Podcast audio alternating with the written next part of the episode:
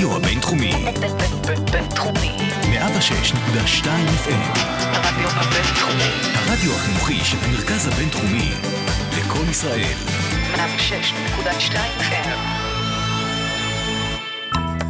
השעה הבינתחומית. פודקאסט שמחדד את המוח.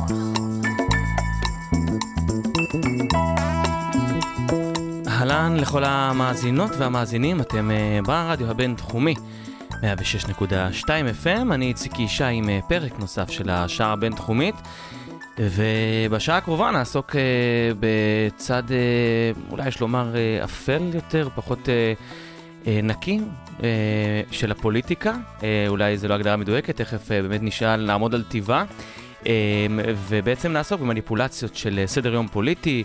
וקידום תהליכי מדיניות בצורה הזאת, זה ככה אולי נשמע קצת מפוצץ ומורכב, אבל אה, לטובת כך אה, יש אה, לצידי, יושב דוקטור מעוז רוזנטל, מרצה בכיר בבית הספר לאודר לממשל, דיפלומטיה ואסטרטגיה, כאן במרכז הבינתחומי, שיעשה לנו ככה סדר בסבך האינטרסים של המשחק הזה, שתמיד נראה מסובך, אבל יש לו חוקים משלו. אז קודם כל, אה, אהלן מעוז, מה שלומך? בסדר גמור. אז קודם כל תודה רבה שהגעת.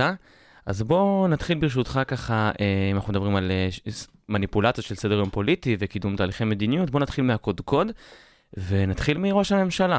אז בעצם אה, אנחנו מדברים על דמות שנבחרה על ידי הציבור, ולמעשה, אולי תגיד לי אם זה גם נכון להגיד את זה, במיוחד בעידן הזה, שבו הקשר עם הבוחר הוא יותר רציף מבחינת הרשתות והמידע, האינפורמציה יותר גבוהה, בעצם חייב לשמור כל הזמן על איזשהו קרדיט מקהל הבוחרים שלו. כן, אה, ספציפית לגבי עמדת ראש הממשלה, לא רק בישראל, אלא בעידן הנוכחי, אנחנו רואים את זה בהרבה דמוקרטיות פרלמנטריות, שלמעשה הפוקוס של התקשורת ואיתה של הבוחר הוא באנשים אה, ו... אה, באנשים למעשה כמוקד הוויכוח הפוליטי וכמוקד הדיון הפוליטי וארגון רעיונות מפלגתיים מסביב לאנשים. עכשיו... אנשים, אה, אתה מתכוון המועמד, כאילו, כן, המועמד מבחינת עצמו. הפרסונה עצמה שלמעשה מובילה את התהליך.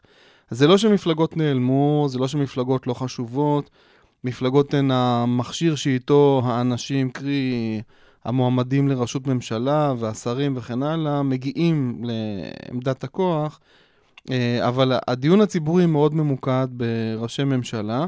בעיקר במשטרים שהרשות המבצעת היא מאוד חשובה ומובילה תהליכים, והמדינה עצמה מתמודדת בפני אתגרים שהרשות המבצעת והעומדים העומדים בראשה יכולים להוביל. אה, מטבע הדברים, הקשב הציבורי והדיון הציבורי מאוד ממוקד ביכולת של ראש הממשלה למשול, להוביל תהליכים. כלומר, אה, לעשות את... אה, מה שפרופסור יחזקאל דרור מהאוניברסיטה העברית כינה אה, הנושא של אה, אה, high order decisions, אה, החלטות בסדר אה, סדר גבוה, אה, שמסתכלות לטווח ארוך, אה, צופות פני עתיד אם תרצה, אה, והיכולת להוביל את התהליכים האלה בנויה על כך שיש אה, גוף שתומך באותו ראש ממשלה ומאותת לו אתה נשאר בתפקידך, אתה לא זז משם, אנחנו נותנים לך את התמיכה. אה, ברוס בואנו דה מסקיטה ועמיתיו אה, בספר The Logic of אה, Political Survival מכנים את הגוף הזה סלקטורט, הנהגת המפלגה, קבוצת כוח שתומכת במנהיג, כלומר אז זה לא אנשים... הקואליציה. לאו דווקא קואליציה. אוקיי. לאו דווקא, קו- זה- זאת אומרת, זה הבחנה חשובה, כי הסלקטורט הזה למעשה בכוחו להזיז את מנהיג המפלגה. כאשר יש uh, מפלגה, על פניו הוא יכול להיות מחוץ למשחק הפוליטי באופן רשמי. האמת שכן. זאת אומרת, יש אוקיי. לנו uh, דוגמאות יותר של עולם שלישי, צריך להודות, למרות שמי יודע מה תיקי החקירות הנוכחיים מכילים בתוכם בהקשר הזה, uh, אבל יש לנו בהחלט דוגמאות של, uh, אתה יודע, אנשי הון, שנמצאים בכלל מחוץ לזירה הפוליטית, הם לא נבחרים לכלום, אבל בלי התמיכה הכלכלית שלהם, אה, אותו מנהיג לא יכול להתמודד, ודאי לא להיבחר, וגם לא לשרוד בתפקידו. כלומר, המנהיג כל הזמן צריך להראות לאותו סלקטורט, לאותו גוף בוחר, חלקו בוחר רשמית, חלקו בוחר לך תדע, אה, שהוא יכול להחזיק בתפקידו ושהוא מסוגל לגייס את התמיכה שהוא צריך. זאת אומרת, הקואליציה, ממה שאנחנו מכירים, קואליציה של מפלגות שתומכת בראש הממשלה, הקואליציה היא אה, סוג של איתות משני כזה, שמראה לסלקטורט שאכן אותו ראש ממשלה יכול להחזיק בתפקידו ולהוביל מהלכים. עכשיו, כאמור, אותו ראש ממשלה מנסה לעצב מדיניות וליישם אותה, ולהסתכל לטווח הארוך, ולנהל את התהליכים. הוא חייב לוודא כל הזמן שהסלקטורט לא מושך לו את השטיח מתחת לרגליים. איך הוא עושה את זה? הוא מאתר את הקואליציה שאליה הוא נדרש, אה, אם זה קבוצת המפלגות הרלוונטית אה, שנותנת לו אמון בפרלמנט, בשיטת הממשל שלנו, אה, אם זה תמיכה של דעת הקהל בשיטות ממשל אחרות. האמת, אם מסתכלים קצת אחורה, כמה עשורים אחורה, הסוציולוג ואיש מדע המדינה, עמיתי עציוני, קרא פעם לישראל דמוק, מודל חלופי של דמוקרטיה. למה? כי ההנהגה של ישראל בעשורים הראשונים של מפא"י אה, לא הסתכלה בכלל על הכנסת, היא לא, לא התעניינה בכנסת. מה שעניין אותה זה הדעת הקהל. כלומר, הקואליציה האמיתית שלהם לא הייתה בכנסת עצמה, אלא הייתה בחוץ, הייתה בדעת הקהל, אה, וכל זמן שדעת הקהל הישראלית תמכה במפא"י, מפא"י יכולה, יכולה הייתה להמשיך, לא משנה מה קורה בכנסת בפועל.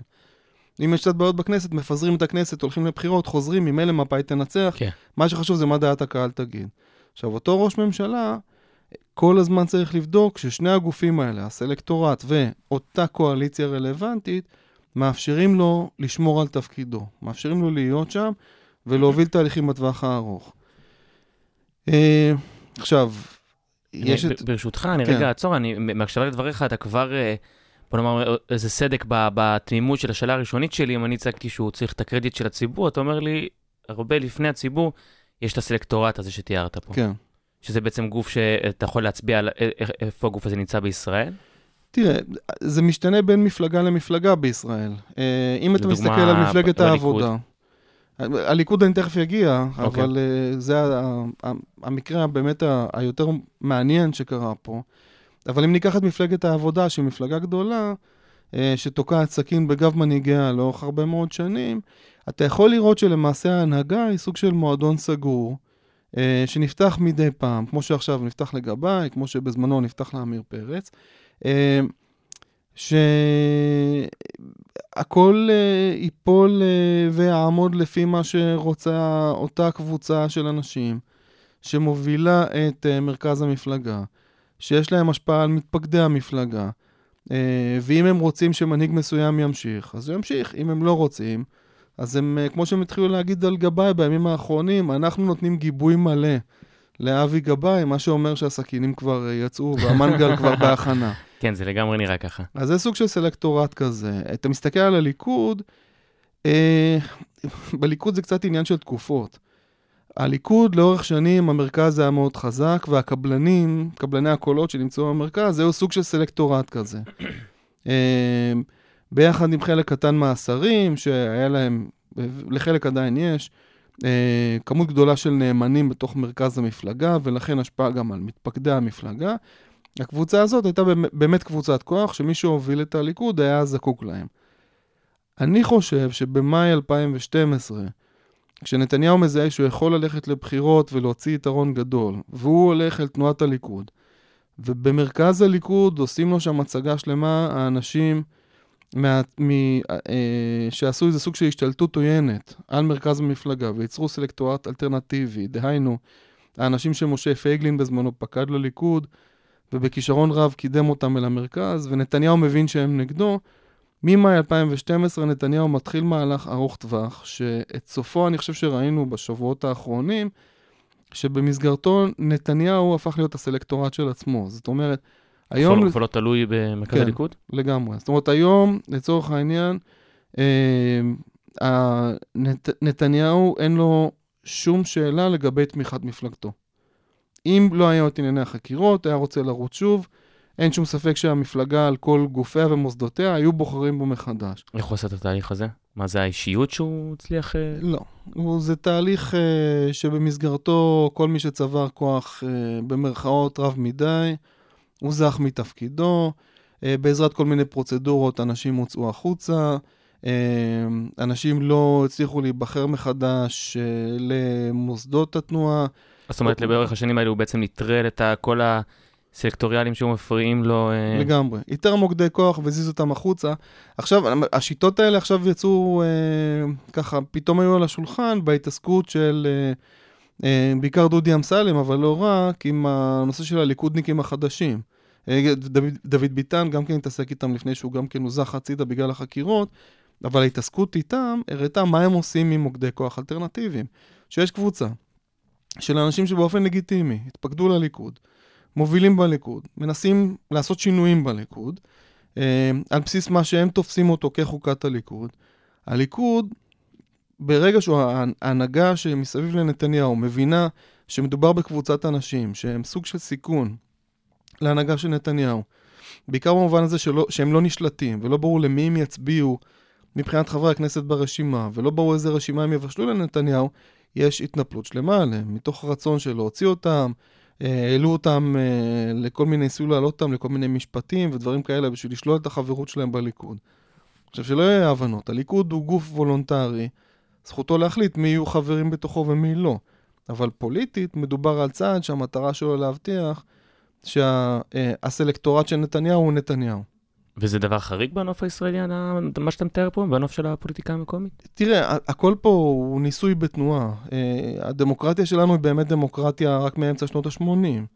המפלגות שאימצו את הפריימריז, את הבחירות המקדימות שנשענות על תמיכה של חברים, או של מרכז, או של מתפקדים, כל פעם הגדרות אחרות קצת, אה, המפלגות עושות ניסויים מתמידים בנושא הזה. היחידה ששימרה את מודל הפריימריז באופן מלא היא העבודה. הליכוד נאלצת לשמור על פחות או יותר המבנה הראשוני הזה של הפריימריז, והיא מנסה לעשות מהלכים שיקטינו את השפעת החברים, או את השפעת המתפקדים, שה... שה-say שלהם לא רצוי מבחינת המנהיג, נקרא לזה ככה. מפלגות אחרות שקמו לאחר הפריימריז, הם כבר לא, בכלל לא חיפשו את הכיוון הזה. אם תסתכל על כולנו, אם תסתכל על יש עתיד, בתור דוגמה בולטת, אה, קדימה בסיבובים הראשונים, עד שהיא פתחה את הדברים לפריימריז, אלה מפלגות, התנועה של עכשיו, אלה מפלגות שהן תנוע, מפלגות של מנהיג. זאת אומרת, יושב מנהיג, קובע, ומתוך זה אה, נקבעות ההחלטות. מרצ עכשיו חזרה למודל הפריימריז הפתוחים, וגם כן לא יודעת מה ילד יום מסביב לה, להחלטה הזאת. פריימריז כמובן פתוחים רק למתפקדים, לא פתוחים כן. באופן כללי, זה הבחנות קטנות, אבל שצריך לעשות אותן. אה, יש מודל כזה של פריימריז פתוחים באופן כללי? זה ארצות לא, הברית, כן. זה לא, זה לא מחבל באופן אה, מובהק באינ- באינטרס של המפלגה? זאת לא, אומרת בר- שמישהו חיצוני יכול לחבל בכוונה ברשימה? אה, ב- יש שתי דוגמאות, אחת שמצדיקה את מה שאתה אומר, והשנייה שדווקא זה מסתדר בה, וזה הבחירות, נתחיל בשנייה. הבחירות בארצות הברית, אה, ברגע שמתחיל תהליך הבחירות, אדם מצהיר אם הוא רפובליקני או דמוקרט, ולכן יכול להצביע בפריימריז של המפלגה שלו. זה עובד, זה בסדר, אין שם אה, באמת בעיה עם זה. אבל לפריימריז אחד. כן, כן, הוא לא אוקיי. יכול פעמיים. אה, כי הוא רשום, זאת אומרת, הוא רשום אצל, ה, כאילו, הרשם של אה, אה, הבחירות עצמן. אה, זה איזשהו מין טופס כזה שהם מקבלים בתחילת תהליך הבחירות, ולכן הוא יכול להצביע רק בפריימריז אחד. המודל הפחות מוצלח, מאוד מעניין דרך אגב, מודל של מפלגת הפיראטים. אה, בגרמניה? בגרמניה. אה, הם, הרי חלק מהמחויבות של הפיראטים, גם כשהפיראטים התמודדו פה, אז גם כן הם שמו את המחויבות שאומרת שחברי המפלגה, ברגע שהם מגיעים לתפקידים כנציגי המפלגה, הם חייבים לקבל את הוראות, אה, את הוראות החברים האחרים. זאת אומרת, שלא נבחרו? שלא נבחרו. זאת אומרת, אוקיי. כל הצבעה פתוחה, אינטרנטית, לגמרי, ומה שהחברים אומרים לנציג, זה מה שהנציג עושה. אה, וכמובן שאת ההשתלטות של אה, מפלגות ימין קיצוני על אותו מנהיג, אותו נציג של מפלגות הפיראטים, ושמתוך אז זה איזה הם תפקיד ייצרו יש איזה... בכלל ל- לנציג? זאת אומרת, אם הוא רק מבצע את דבר ה... אבל הם פיראטים, מבחינתם ממשל של נציגים זה רעיון של אה, כל מיני מושחתים, זה לא מה שאמורים לעשות. העם צריך למשול. זה כן. אוקיי, בתחילת דבריך אמרת, אה, תיארת בעצם את התכונות של המנהיג, ואמרת איזשהו אה, משהו שתיארת כאיזשהו יכול להוביל תהליכים ולצפות פני עתיד או משהו כזה. עכשיו, בוא נאמר שאם אנחנו באמת אה, מזקקים את התכונה הזאת ואומרים שזה מה שהמנהיג צריך, אוקיי. איך אבל אם אנחנו חוזרים לעניין של הקרדיטיזציה הציבורית, איך אה, הרי יש פער בין ההצלחה לבצע את המהלכים האלה לבין לשווק אותם לציבור, והאם כן. באמת הוא מצליח לבצע את התהליכים האלה. אמת, אז זה גם כן דילמה בסיסית פה, בכל ה... גם במחקר וגם במדיניות.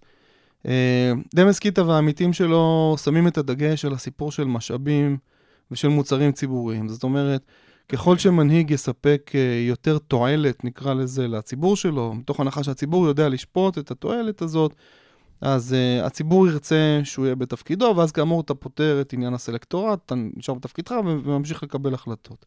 ר- לפי מה שאתה אומר בעצם, במידה ויש אה, אישור בקרב הציבור, הסלקטורט תמיד אה, כן. יאשר, אין לו אינטרס להתנגד לזה. אמת, כי, הוא, אוקיי. כי הוא, אם- הסלקטורט נהנה מקרבה לשלטון על ידי כך שהשליט נמצא בשלטון, אה, אז אין לו סיבה להזיז את השליט אם מקומם בשלטון מובטח. כן.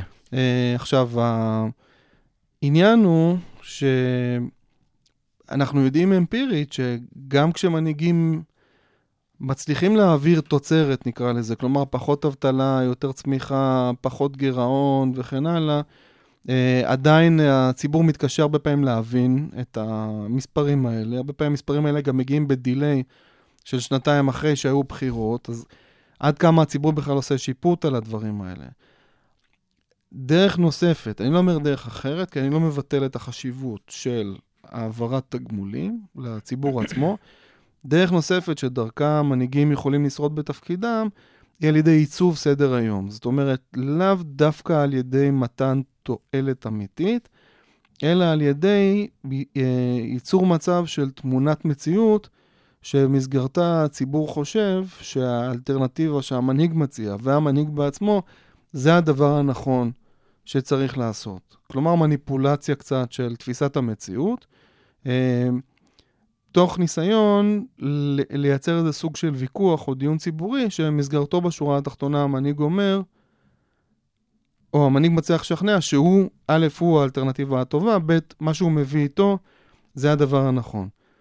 נגיד לצורך העניין, בואו ניקח אה, דוגמה שעובד עליה סטודנט לתזה אצלנו, ישי ברק, שעובד בין השאר על המקרה היווני. ציפרס, ראש הממשלה היווני,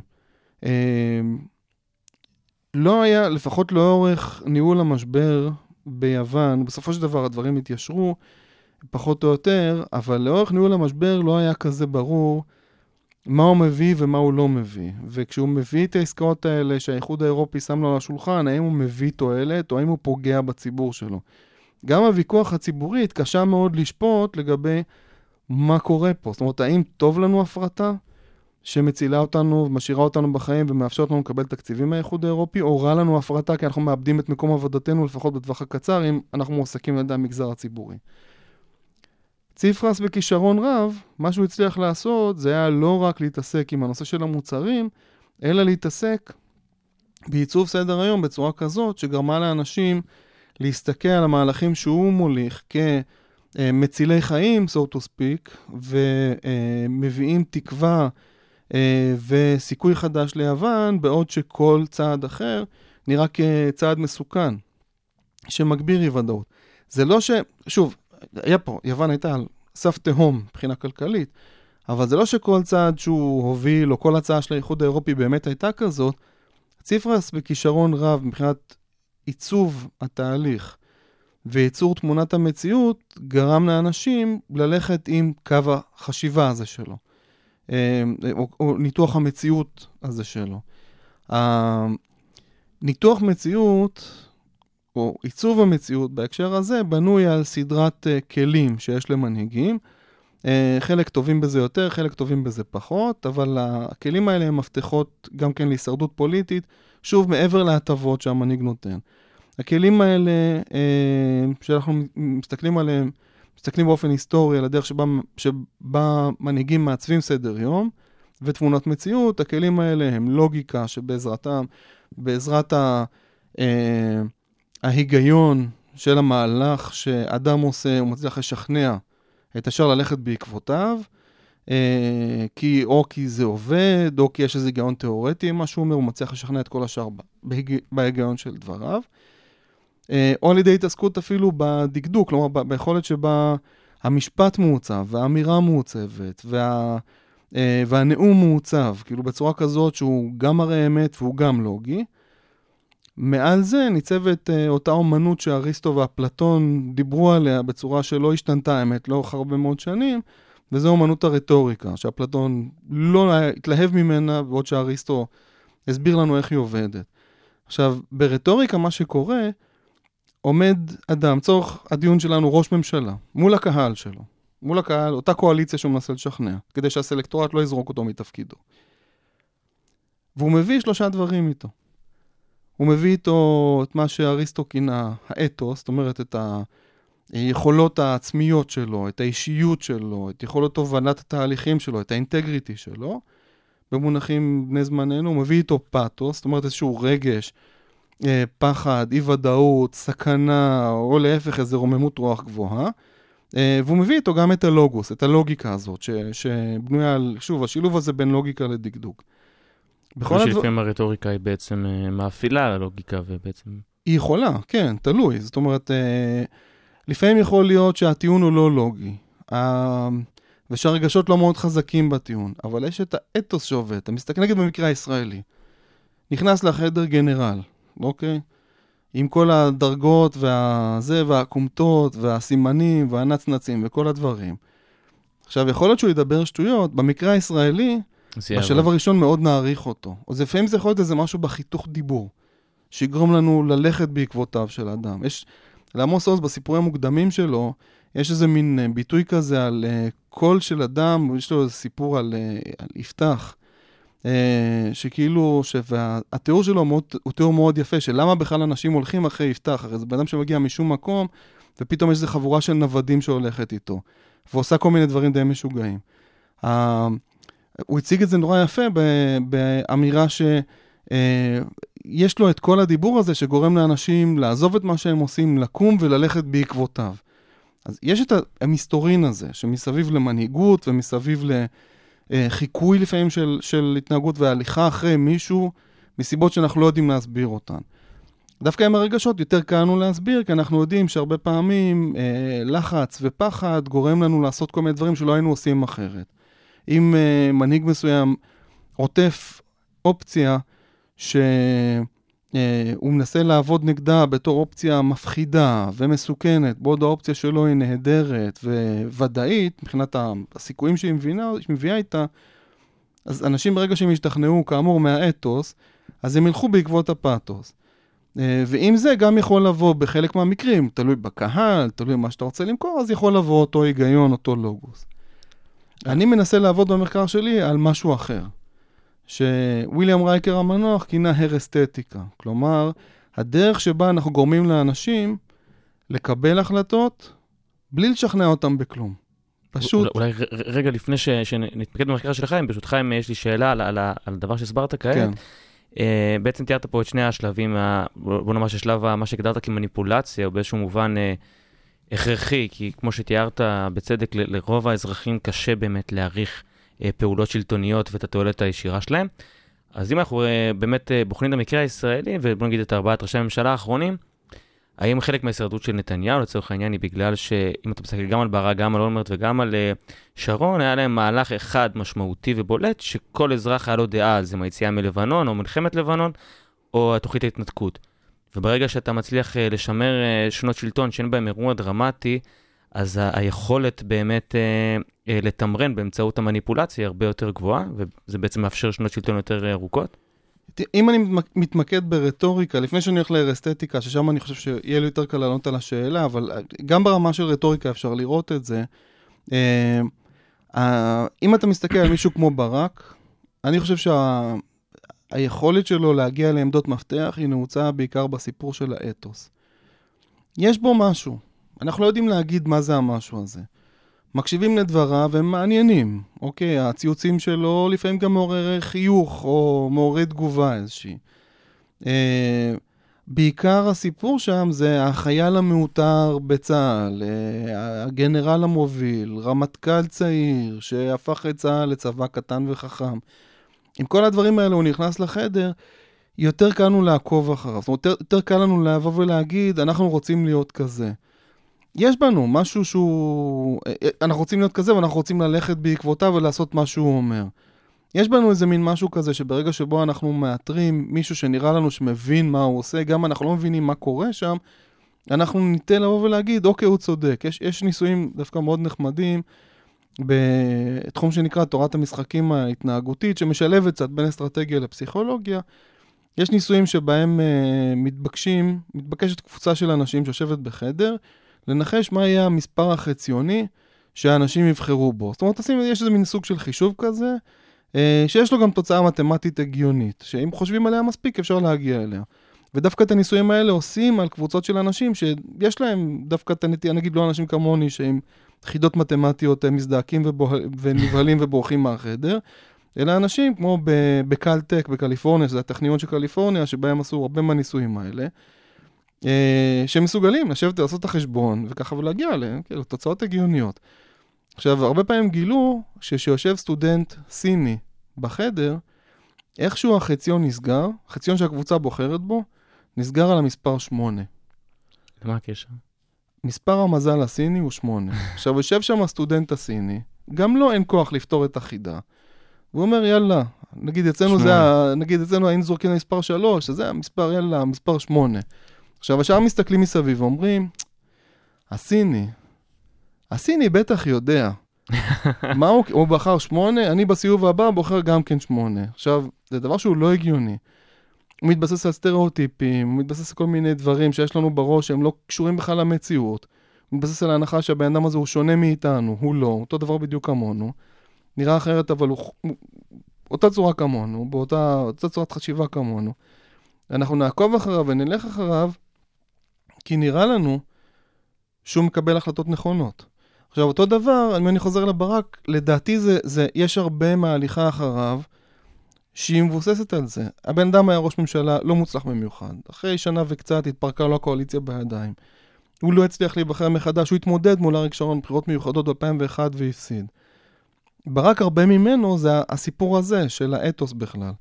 שרון היה מניפולטור בסגנון שנדבר עליו בהמשך, של הארסתטיקה, של כן. היכולת לעצב תמונת מציאות שבמסגרתה אתה רוצה לבחור במה שהוא מציע לך.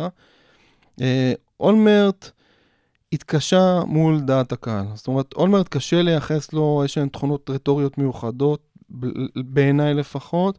הוא היה מאוד טוב בקואליציות של חדרים קטנים, בעבודה עם אליטות, כנראה שגם בהזרמת כספים בכל מיני צורות. כבר בתי משפט טענו את טענתם בעניין הזה, אבל הוא פחות היה מוצלח בהישרדות הפוליטית, עובדתית. אחרי, uh, כשהוא הסתבך מאוד עם משפטי השחיתות למיניהם, נגמר הסיפור שם. נתניהו טוב מאוד בסיפור של הפאתוס, בסיפור של עוררות רגשית מסוימת שלוקחת אותנו לכיוון של רתיעה מסיכונים, אה, ותמיד ציור האופציה השנייה של השמאל שנמצאת על השולחן כאופציה המסוכנת וחסרת הוודאות שצריך להירתע ממנה ולברוח ממנה. אה, ובהקשר הזה הוא, הוא במקביל לעבודה פוליטית מאוד טובה שבמסגרתה הוא כאמור ייצר את עצמו כסלקטורט של עצמו, הוא מצליח לשרוד לאורך הרבה מאוד שנים בעבודה מודעת הקהל הישראלית ובהישרדות פוליטית, אין, אין שום ספק לגבי זה.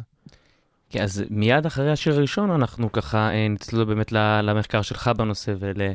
וגם כפי שהבטחת, תסביר את אריק שרון יותר אה, לעומק. בסדר גמור.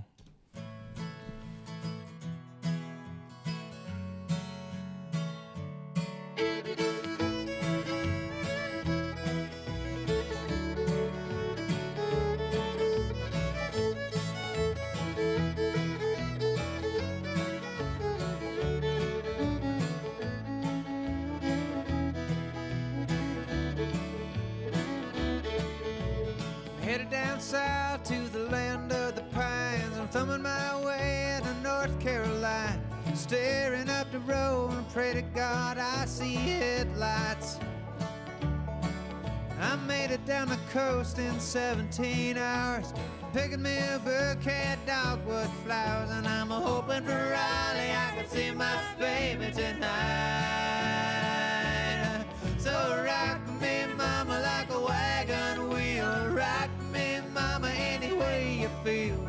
Hey,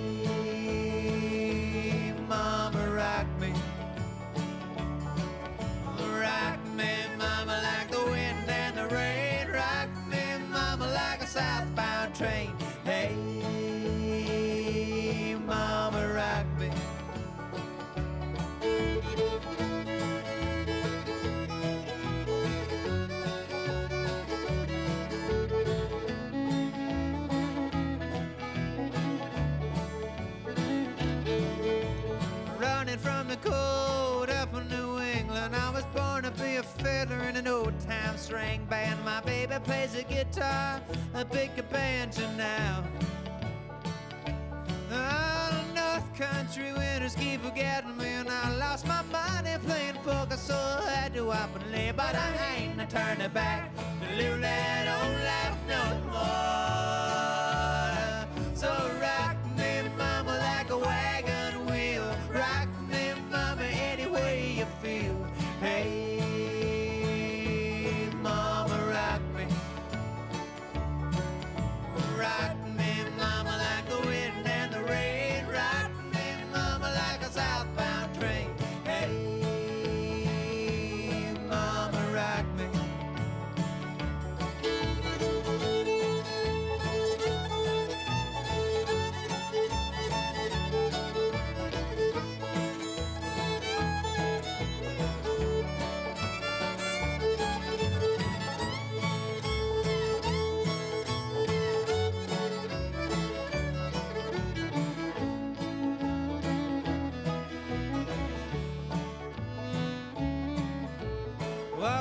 south out of Roanoke, I caught a trucker out of Philly, had a nice long toke.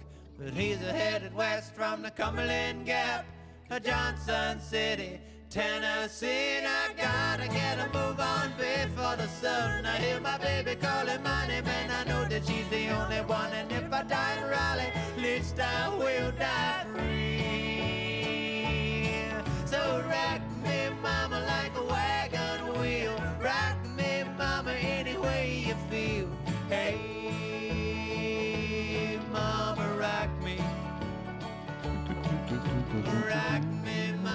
אז אלו הם אולד קרו מדיסין שואו, כן, נכון? יפה, כן. אה, והשיר הזה נקרא וייגון וויל, וככה תודה על הפולקה המתקתק הזה אחרי כל המשחק הפוליטי הככה אה, פחות מתקתק אולי, אז בוא באמת ברשותך, אחרי שהסברת באמת ככה לעומק את התהליכים הפוליטיים שבאמצעותם מנהיגים שומרים על הקרדיטיזציה מול הסלקטורים והציבור, בוא ניכנס לעומק המחקר שלך. כן. אז מה שאני עושה בקונטקסט הזה, אני מתעסק ב... שוב, באותה תופעה שנקראת הרסתטיקה. הרסתטיקה היא, היא איזשהו, אה, נקרא לזה משחק מילים על מילה ביוונית, שהיא, המילה היוונית המקורית היא הרטיקוס, חוקר אמריקאי בשם ויליאם רייקר, אה, השתמש במילה הזאת מכיוון שהיא אומרת מצד אחד אה, היכולת לבחור, מצד שני כפירה. זאת אומרת, יש לה מין דאבל משמעות כזה. אה, ולמה הוא השתמש במילה הזאת? הטענה שלו הייתה, זה שקיים ויכוח נתון, קיים סדר יום נתון, שבמסגרתו באמת אתה יכול להצליח או להיכשל במסגרת מאבקים רטוריים כאלה ואחרים. אבל הרעיון הוא שאתה נכנס למאבק הזה, הרעיון הוא לסד... מה שנקרא לסדר את הקלפים מראש. כלומר, לקחת את הנושאים שקיימים על סדר היום, ולארגן אותם בצורה כזאת, שאתה תנצח בוויכוח, גם אם רטורית אתה לא תהיה מבריק במיוחד, ולא תהיה נואם גדול, ולא יהיה לך לא אתוס, לא פתוס ולא לוגוס, אבל הדיון גם כך מסודר בצורה כזאת, שאתה יכול לנצח אותו. בוא אה. תפשט את זה ברשותך. כן. אה, והאמת היא שזה מה שפוליטיקאים, הרבה מהעבודה הפוליטית בנויה מסביב לסיפור הזה של בניית השיח, בניית השיח הציבורי. אה, בניית השיח זה אומר, אם הבנתי אותך נכון, שסדר היום כבר כביכול קיים, והשאלה איך אתה משחק בתוכו, מזיז את ה... בדיוק. אוקיי. לכל, לכל נושא פוליטי יש כל מיני משמעויות. עכשיו, יכול להיות שתדון בנושא פוליטי במשמעות אחת שלו, תפסיד, יכול להיות שתדון במשמעות אחרת, תנצח. אתן לך דוגמה עדכנית. אוקיי. יש uh, ויכוח מאוד גדול בארצות הברית, ראינו עכשיו את ההפגנה של הילדים ביום ראשון האחרון, נגד ה... אה, נגד הסיפור של הנשק. נשק, כן. והעניין הזה של ה-gun regulations, וזה שצריך uh, להגביל את uh, uh, כמות כלי הנשק ברחובות, כי הבעיה היא שה-gun regulations לא מחמירות מספיק, ולכן אנשים מקבלים נגישות לכלי נשק והולכים ופוגעים uh, בילדים תמימים ועוברי אורח תמימים וכן הלאה. זה משמעות אחת שיש לנושא הזה. משמעות אחרת אבל, שנוגעת לאישיות של האנשים שמבצעים את מעשי הטבח ההמוניים, והיא הסיפור של בריאות הנפש. עכשיו, ברגע שאתה מדבר בנושא הזה בהקשר של תקנות רכישת כלי הנשק, אם אתה תומך ביותר כלי נשק ברחובות, אתה מפסיד. זאת אומרת, אם אתה תומך בהמשך מכירת כלי הנשק כמו שהם, אתה חושף את עצמך בדיון על התקנות המקילות של כלי הנשק, לכך שיגידו לך, התקנות מקילות מדי, אנשים אה, מסתובבים רובי סער, אין סיבה שהם רובים כאלה. אף אחד פה לא נמצא במלחמה ב- על איזה הר מול חבורה של החיזבאללה, כולה פה הולכים לצוד דובים, אף אחד לא צריך M16 בשביל זה. אה, אבל אם אתה דן בנושא מהכיוון האחר שלו, כמו בריאות נפש, ואתה אומר, הבעיה היא בכלל לא בעיסוק בתקנות של כלי הנשק, אלא הבעיה היא בכלל בנושא של בריאות הנפש. זה במידה ואתה תומך במדיניות המתירה, ואתה כן. רוצה בעצם לעשות איזשהו מעקף אה, רטורי, נגיד, או לוגי. מעקף מסביב, אתה רוצה בשיח. לעצב את סדר היום בצורה אוקיי. כזאת, שלא ידברו עכשיו על הנושא של המתירנות של תקנות כלי הנשק, אלא שידברו עכשיו על בעיות בריאות הנפש והבעיה במערכת בריאות הנפש בארצות הברית. שהיא לא מאבחנת כראוי, ולכן היא לא מונעת מראש מהאנשים. האלה. אז הבעיה בכלל לא... טראמפ אה, מדי פעם זורק לכיוון הזה שהוא מציג את היורים כחולי נפש, והוא... כן, לא, לא רק טראמפ, עוד כל שמרן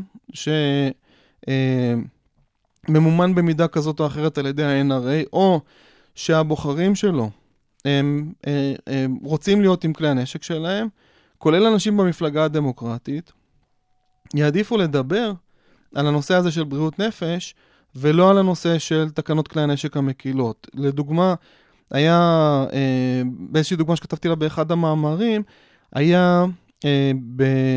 היה אירוע נוראי ב-2012, אם אני זוכר נכון, ובתיכון ב... בשם סנדי הוק בקונטיקט, הברית. קונטיקט דווקא אחת המדינות היותר מחמירות בתקנות כלי הנשק. אה, אה, סוג, מישהו שהיה שם, שלמד שם, והעיפו אותו משם, נכנס שם, עשה טבח נוראי, מזעזע, ממש מזעזע, אירוע טרור, שכאילו פשוט באמת מזוויע מבחינת כמות הילדים שה, אה, שהאיש הזה רצח שם. הסתכלתי על, על דיונים שהיו אחר כך ב, בסנאט ארה"ב לגבי, בסנאט באופן ספציפי לגבי הנושא הזה. סנאטור בשם תום הרקין, דמוקרט,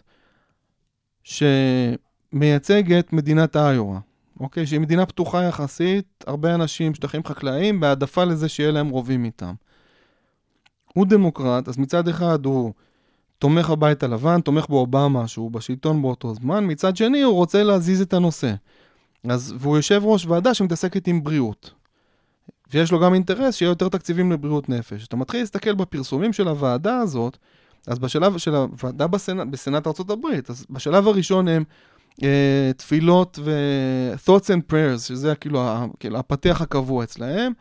אחר כך מתחיל, אה, אה, וכן, באמת התקנות הן לא בסדר, ותוך כדי הטקסט אתה מתחיל לראות שהטקסט מתנקז לכיוון של בריאות נפש. הדיון בוועדה כבר נפתח ב... אנחנו רוצים להשתמש בהזדמנות בשביל לדבר בסיפור של בריאות נפש. זאת אומרת, הוא ניווט את הדיון לשם, כי לשם.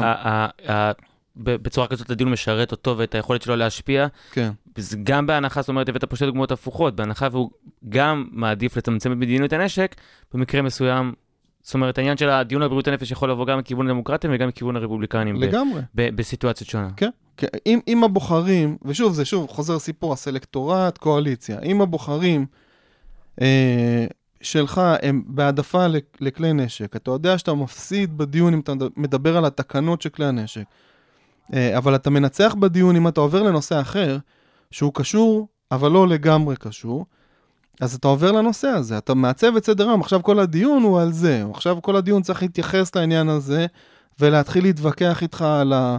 אה, אה, כן בריאות נפש ולא בריאות נפש, וכל האג'נדה היא כבר על עניין אחר לגמרי, שברגע שעברת אליו כבר ניצחת. אתה כבר שם, אתה כבר, אתה כבר יצאת מטווח סכנה לצורך העניין. עוד דוגמה, הסיפור של הכשרות בארץ. אוקיי, כשרות, כשאנחנו דנים בדרך כלל בעניין של כשרות, זה מיד הולך הסיפור של דת ומדינה. בדת ומדינה, אם אתה מגיע מהצד החילוני, אתה מפסיד. למה? בדרך כלל מי שנמצא בימין ימין מרכז, שם רגע בצד יש עתיד וכן הלאה, או קדימה שהייתה, שהן מפלגות חילוניות במובהק, כל השאר, הם בדרך כלל יהיו בעד כשרות, לפחות זה לא יפריע להם. גם חלק גדול ממפלגת העבודה. לא יפריע לו הסיפור הזה, ודאי שהמפלגות הדתיות. אתה מעלה נושא כזה בכנסת, אתה מדבר, אני רוצה לדבר על כשרות, אני רוצה לדבר על אה, פגיעת הדת במרחב הבחירה של האנשים, תפתח איזה טיעון רטורי שאתה רוצה, אתה מפסיד בדיון הזה, יש יותר אצבעות נגדך. אם לעומת זאת, אתה מדבר על היבט אחר של תופעת הכשרות, ותשים לב, זה דבר שקרה פה בשנים כן, עכשיו האחרונות. ההפרטה של המערך בעצם. זה מונופול, סליחה, זה בכלל לא עניין של דת ומדינה. יש פה בעיה של מונופול כלכלי שגובה מחירים גבוהים. עכשיו, אבל מי שבפועל לצורך העניין עשה את השינוי, זה דווקא אנשים שכן תומכים בדת ומדינה. לא אומרת, בדיוק, צוהר- הם שותפים. הם שותפים. זאת אומרת, אתה לוקח... אה, יכול להיות שהם הם עשו את זה כאיזשהו צעד בשביל, הם הבינו שהם אולי מאבדים פה משהו, אז הם אמרו, אנחנו ניתן את הצעד מתוך ה... לפני זה, אוקיי. צעד לפני זה. מי שמתחיל להעלות את הנושא הזה של כשרות כנושא כלכלי בכלל, אלה חברי כנסת מטעם מפלגת שינוי שהייתה בזמנו. אה, שהיא מפלגה חילונית? לגמרי. זה מתחיל לעלות לשיח מלמטה. אוקיי, מוועדות הכלכלה, המקומות שאף אחד לא מסתכל, ועדת הכלכלה, שנה, כל מיני מקומות כאלה, זה פתאום מתחיל לעלות משם, בפריים שהוא, במסגור של הנושא, שהוא בכלל, אנחנו לא מדברים על, על כשרות במובן הדתי, אתם, מי שרוצה כאילו דת, סבבה, שיהיה לו כיף, אנחנו מדברים על הנושא של כשרות כמונופול כלכלי, שמגביר פה את יוקר המחיה. עכשיו, לעניין הזה אתה מוצא שותפים, זאת אומרת, כאן אתה כבר מפצה למעשה את הכוח הדתי. כי אם הכוח הדתי אומר לך, אני רוצה כשרות, אוקיי, יופי. אתם רוצים כשרות, חלק מכם, אה, אותו חלק, נגיד, מתוך הציבור הדתי שתומך בכשרות של הרבנות, ימשיך להיות בעמדתו. פתאום קיבלת תומכים חדשים מתוך הדתיים-לאומיים, שהולכים עם הכיוון של צוהר. אוקיי, יצרת קואליציה חדשה, פתחת מרחב חדש של דיון. בתוך המרחב הזה, אתה כבר מוביל לאופציה של בואו נבטל את המונופול של הרבנות. ופה יש לך יוזמה שהיא יוזמה חילונית, שהיא מפסידה כשהיא מגדירה את עצמה ככזאת. ברגע שהיוזמה מצוירת מחדש כיוזמה של יוקר מחיה, בנית מחדש את כל הדיון, ופתאום אתה מצליח להוביל את הדיון למקום שהוא טוב לך. אז בעצם, אני, אם אני מבין אותך נכון, הער אסתטיקה זה בעצם, לפי מה שאתה מתאר, הסדר יום קיים, אין לך יכולת לשנות אותו מהיסוד, ואתה צריך להיכנס ולהבין איך בתוך הכלים, ש... בתוך הסיפורים שכבר קיימים, איך אתה ניגש אליהם ומאיפה אתה תוקף אותם, וככה אתה בעצם מצליח למצב אותם בסדר היום. וכפי שתיארת עכשיו באמת בצורה ממש מעניינת, זה ש- שאתה בעצם מצליח לגייס תומכים למשהו שהוא בעצם, כמו עכשיו שהצליחו כביכול לגייס דתיים למאבק נגד הרבנות. שהם לא בני, שהם לא בני ברית טבעיים שלך. זאת אומרת, האסתטיקה, היתרון שלה, או הצורת חשיבה שהיא מביאה איתה, זה בואו נלך על החלטות פוליטיות מוזרות, מפתיעות, שונות, שרוב האנשים היום מגדירים אותן ככשל ברציונליות, פסיכולוגיה מבולבלת, אנשים טועים, אנשים לא מבינים עד הסוף. אתה נכנס לתוך התהליכים האלה ולתוך המבנים, הרבה פעמים אתה תמצא איזה סוג של יזם, שהסתכל על התהליך ואמר, אוקיי, לתהליך הזה יש את ההיבט הזה, הזה והזה. מה שאני צריך לעשות זה לדבר רק על עניין אחד בתוך כל המכלול הזה, ובתוך העניין הזה אני מקבל קואליציות שיתמכו בעמדה שאני מעוניין אה, להוביל. אה, והרבה פעמים ההחלטות המפתיעות האלה, ברגע ש- שאתה עושה את הניתוח הזה, כבר הופכות להיות הרבה פחות מפתיעות, הרבה יותר מובנות. מאיפה זה קרה, איך זה הגיע, למה זה התקבל. בתהליך של בדיקה, סוג של היסטורית הכי פשוטה, אתה, אתה מתחיל, אתה מצליח להגיע ל, כן. למוקדים האלה ולדרך שבה פתאום השיחה משתנה. כן, אז אנחנו בשלב הזה נע- נעצור ברשותך לשיר הבא שבחרת, של להקת אה, צלילי העוד, ומיד אחריה אנחנו באמת אה, נמשיך, אולי אפילו נספיק אה, להתעמק בדוגמה של אריק שרון וההתנתקות כן. ואיך זה אה, אה, התבצע שם בעצם. חסידה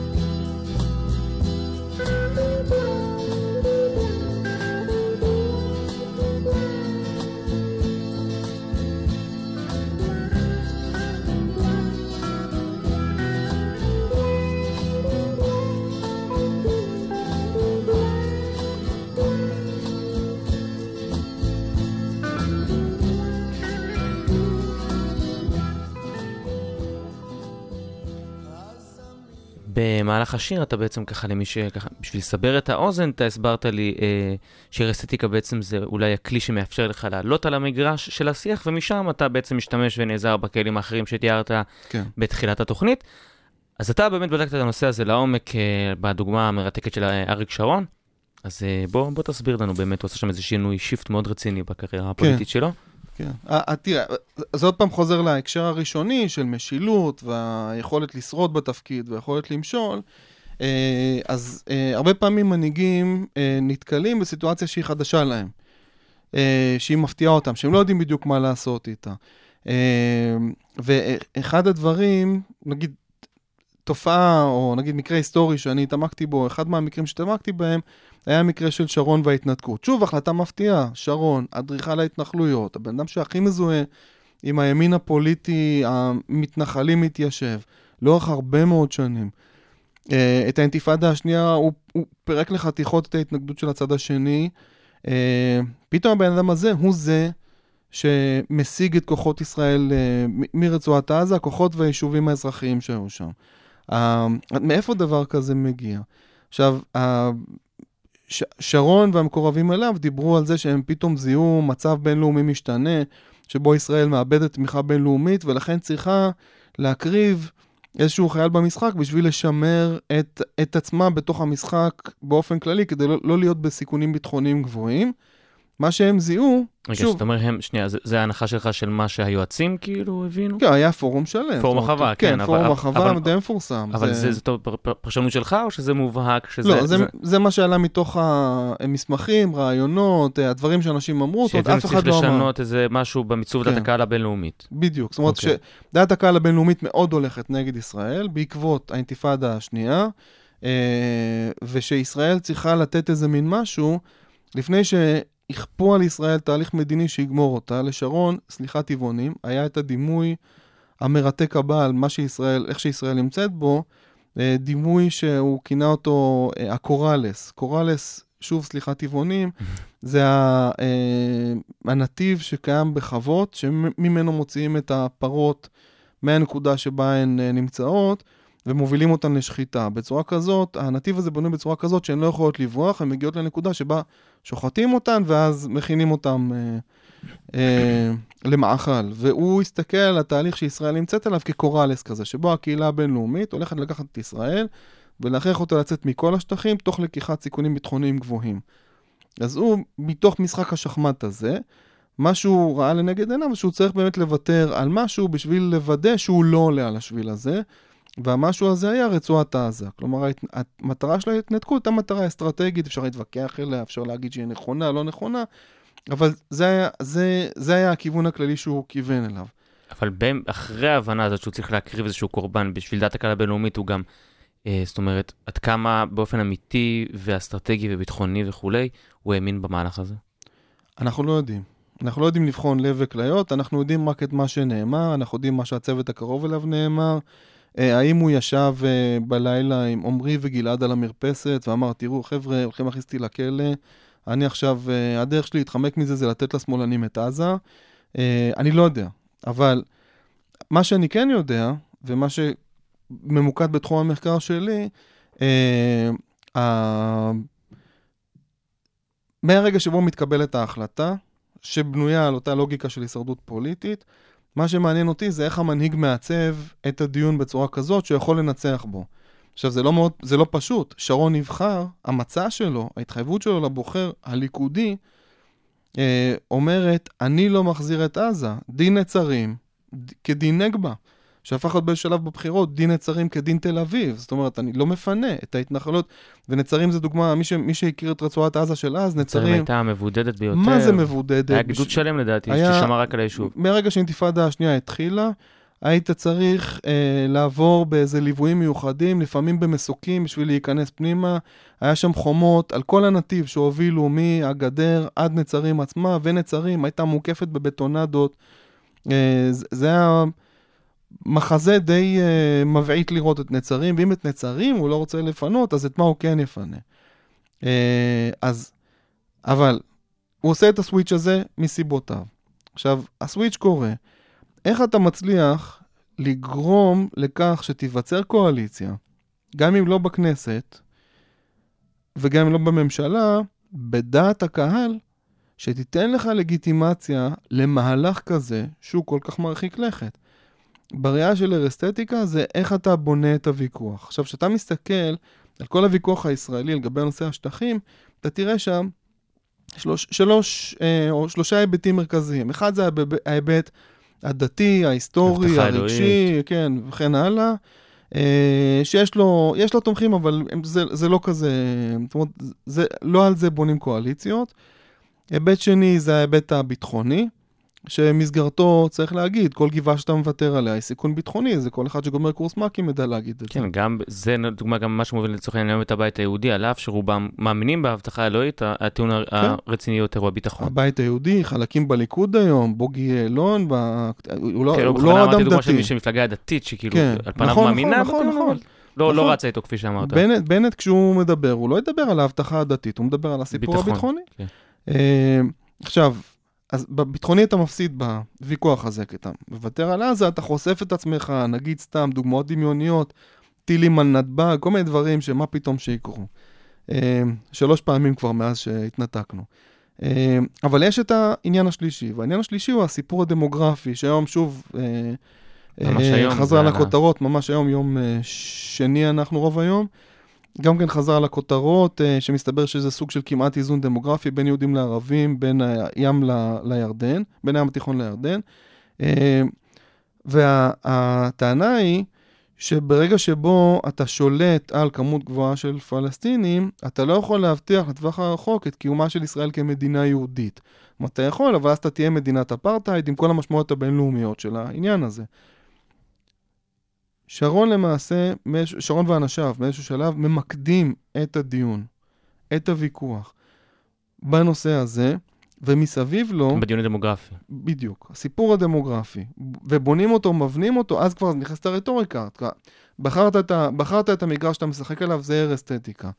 עלית על המגרש, עכשיו אתה כבר ברטוריקה, אתה מציג את הנושא הזה של שמירה על רצועת עזה בתור הדבר שהוא המסוכן יותר, הוא המסובך יותר, הוא זה שישאיר מיליונים של פלסטינים אה, תחת ידיך ועל אחריותך וכן הלאה. אה, ולכן זאת האופציה הפחות טובה וצריך להימנע ממנה, בעוד שאם אתה יוצא מעזה, אז שוב, אם הדיון הוא, המשחק הוא רק על הסיפור של היום הדמוגרפי, אם אתה יוצא מרצועת עזה, אז אתה מבטיח את עצמך יותר. אבל אז איך אתה. זאת אומרת, אם השמאל בארץ באמת היה שמאל מבחינת אה, הומניות וזכויות אדם, אז, אז הוא אמור להתנגד למהלך כזה, זאת אומרת, כי אתה מראש, סביר להניח, מפחית את תנאי החיים של האוכלוסייה שם, סוגר אותה באיזשהו סוג של מצור ומתנער מאחריות כלפיה.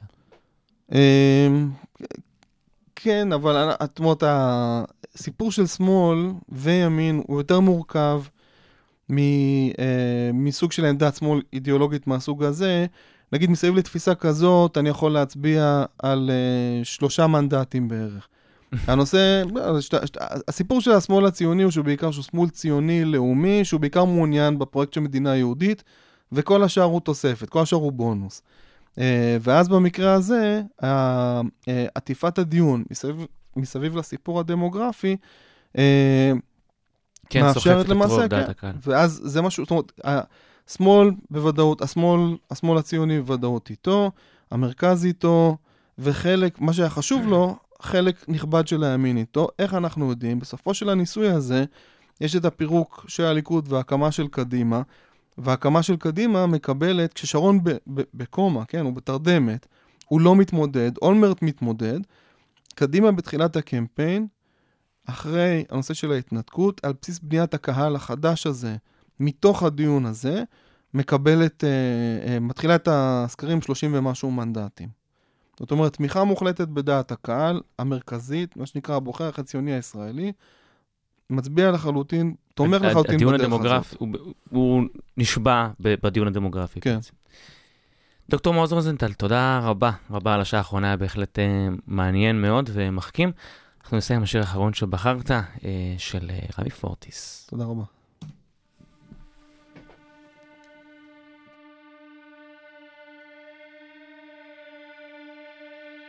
כן, גם פה המלחמה צוחקת, בתוך שקט דמיוני,